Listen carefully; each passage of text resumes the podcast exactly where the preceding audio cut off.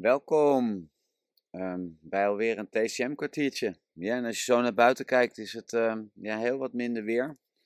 Ehm, maar goed voor de aarde en eh, goed voor de plantjes. Vandaag wil ik het met jou hebben over pijn in het hypochondrium. Hè, dat gebied wat hier net onder de zijkant van, de, van de ribben ligt. En ja, wij leren altijd op school als we het over een, een levertiestagnatie hebben. En dan leren we dat pijn in het gebied van de hypochondria.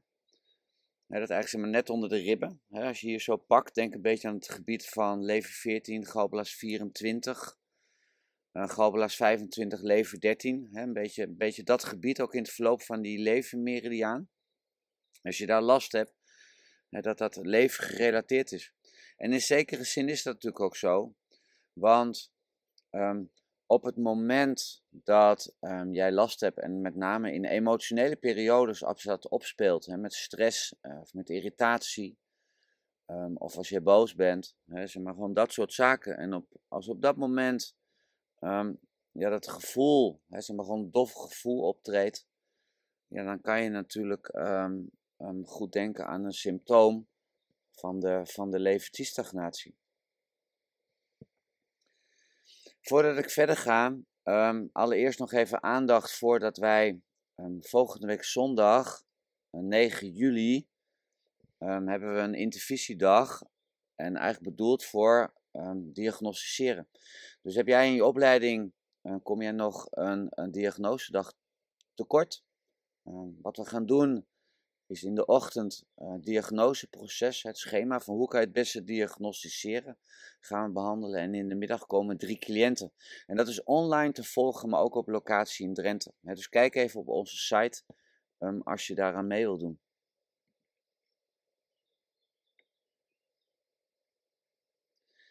Ja, dat hypochondria net al genoemd, hè?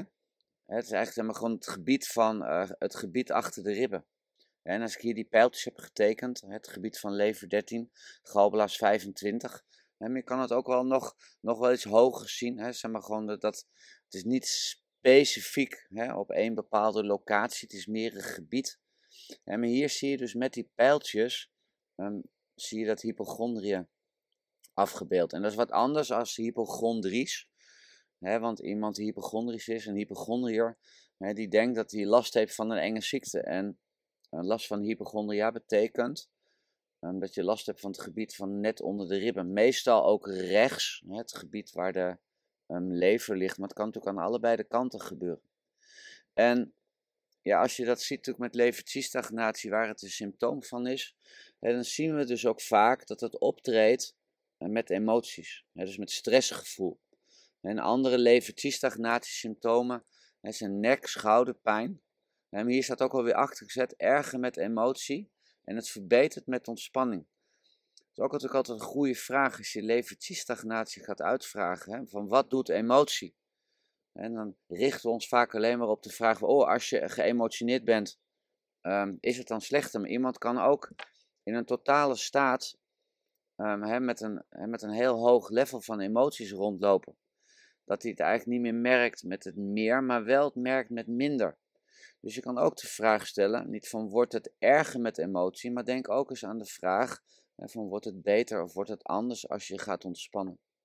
Een ander levertiestagnatie-symptoom is natuurlijk de opgetrokken schouders, de spanningshoofdpijn, allemaal optredend met emotie of frustrerende momenten.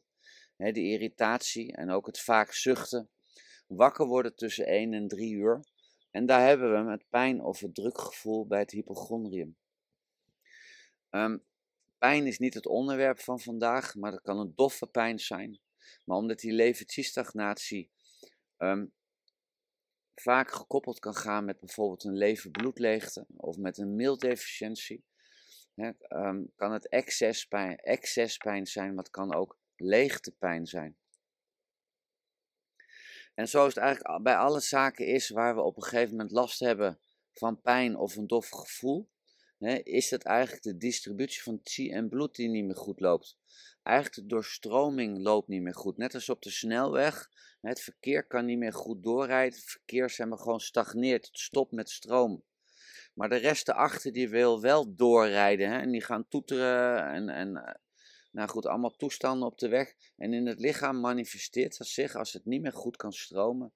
Dan manifesteert dat zich als een, als een pijngevoel of als een, ook als een vervelend gevoel. Kan ook een dof gevoel zijn.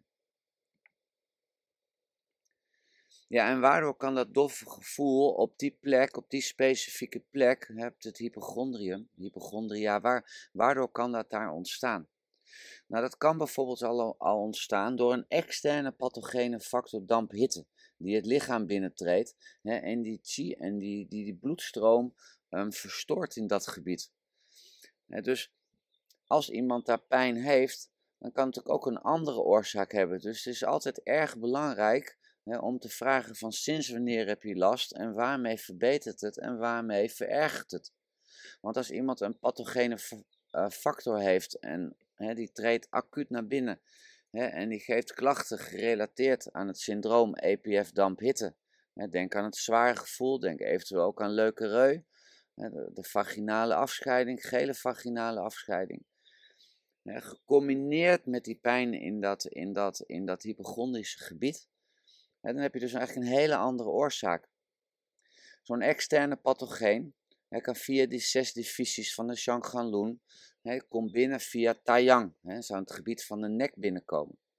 Als die niet voldoende wordt behandeld, dan gaat hij via een Yang Ming, zou die in het gebied van Xiaoyang terecht kunnen komen. Dus als hij niet goed behandeld komt.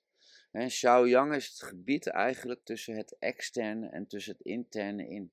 En die geeft dan ook vaak weer hè, die afwisselend koorts en rillingen, een bittere smaak. Hè, maar ook daar, hè, bij dat syndroom, kan je dus die pijn in de hypochondria terugvinden. Emotie, frustratie, die kunnen die chi-omloop ehm, blokkeren, laten stagneren. Komen een beetje op het gebied van de lever-chi-stagnatie uit.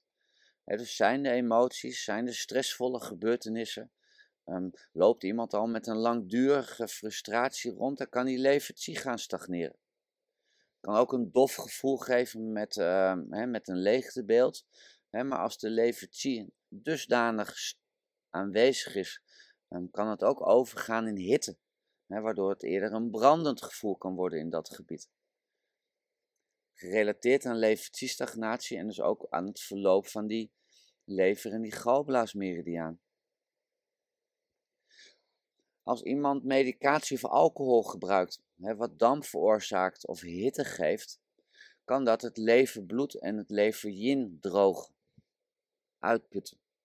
En het gebied onder de hypochondria, hè, waar ook dan het orgaan ligt, hè, dan kan die hitte ervoor zorgen hè, dat het leverbloed, lever dat die voeding van dat gebied minder goed plaatsvindt. En als die voeding minder goed plaatsvindt, dan kan de boel ook weer gaan stagneren. En op het moment dat de boel weer stagneert, dan krijg je er ook weer last. Dan zul je zeggen, ja, die heb ik net ook besproken. maar in de vorige sheet hadden we het over een levertiestagnatie. En een levertiestagnatie is een excess. En bij een levertiestagnatie-excess, dan ga je het levertiestagnatie-excess oplossen. En dat doe je door het chi-carousel, zodat die beweging van die levertie weer goed gaat. Als we het als oorzaak een leverbloed of een lever-yin-leegte hebben, dan zullen we als behandelprincipe leverbloed of lever-yin voeden moeten nemen, waardoor eigenlijk hè, dat chi-carousel weer aan de gang wordt gezet. Hè, de beweging van chi en bloed, hè, die gaat weer normaliseren. Iemand kan ook vallen, van een fiets af of van een, van een bankje af en dat kan trauma geven. Maar denk bijvoorbeeld ook aan een botsing met een veiligheidsgordel. Daardoor kan het gebied waar die veiligheidsgordel loopt, hè, die kan eigenlijk dusdanig gekneus raken, waardoor de bloedstase optreedt. die cliënt heeft dan pijn in een heel specifiek gebied, maar kan ook de doorstroming en de voeding naar dat gebied blokkeren, waardoor er weer pijn en weer een dof gevoel of zelfs een stekende pijn kan ontstaan. Bloedstase het gebied zelf een stekende pijn, maar het gebied erachter kan een andere pijnsensatie geven. dus in dit geval door die veiligheidsgordel, door die botsing, die druk die op dat gebied ontstaat, waardoor de pijn ontstaat. Er kunnen ook galstenen aanwezig zijn.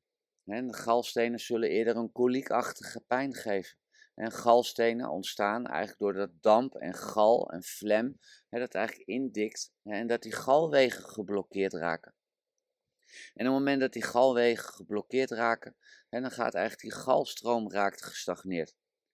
Ook hier, hè, als we dan als oorzaak flemhitte zouden kunnen vinden, dan moeten we die flem oplossen, die hitte klaren hè, en die, ook die galstenen, die bestaan eigenlijk uit een samenstelsel van flem en hitte.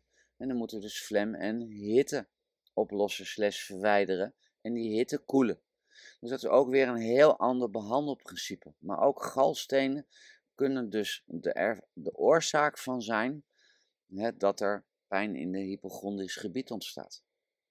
Tot slot, dan hebben we ook nog de phlegm fluids. we hebben uh, een vijftal phlegm fluids. bijvoorbeeld E-gin hebben we. dat zijn phlegm fluids in de ledematen waardoor iemand een zwaar gevoel in de ledematen heeft, met daarbij natuurlijk een minder goed um, functionerend miltsysteem. Zo kennen we ook Xuanjin, de fluids die achter de ribben zitten. Dat is eigenlijk dat klotsende geluid wat achter de ribben zit. De cliënt moet ook hoesten, he, veel ook ophoesten van slijm. maar die heeft ook echt dat druk en dat oppressie, dat drukgevoel achter de ribben. En hierbij is ook phlegm de oorzaak dus je zult goed moeten diagnosticeren van wat speelt hier. Wat is het syndroom wat hier speelt?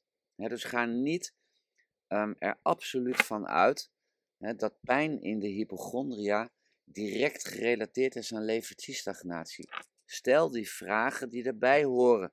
zijn er andere levertiestagnatie-symptomen um, te vinden? Daarom is het ook zo belangrijk dat je die symptomen gaat leren en ook begrijpt hoe die symptomen samenhangen. Want dat samenhangen van die symptomen, dat geeft richting aan het syndroom wat er speelt. En heb je dat syndroom eenmaal gevonden, dan komt daaruit je behandelprincipe. En dat geeft richting eigenlijk aan wat jij precies gaat doen.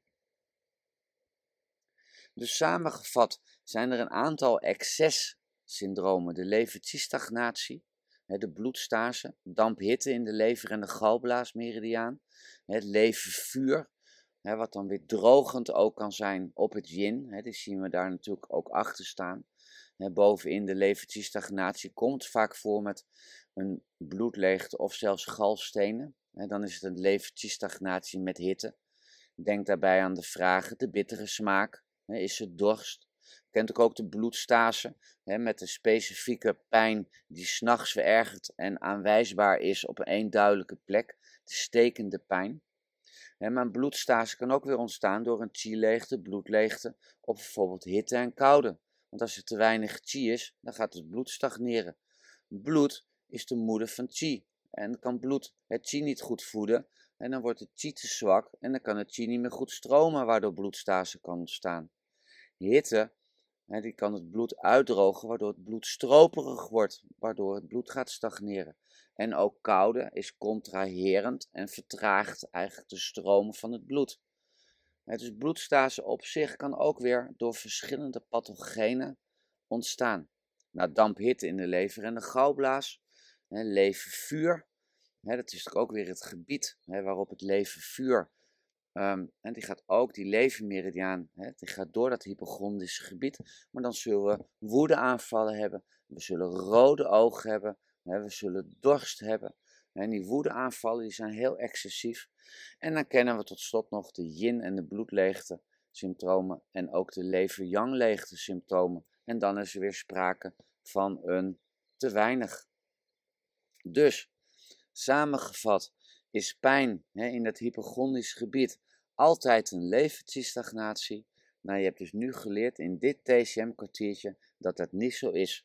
Verzamel hè, en bekijk um, de andere symptomen hè, die plaatsvinden ehm, die jij kan zoeken tijdens dat diagnosegesprek. En die vormen samen het syndroom. Dankjewel voor het luisteren en um, ja, graag tot het volgende TCM-kwartiertje. Dag, dag.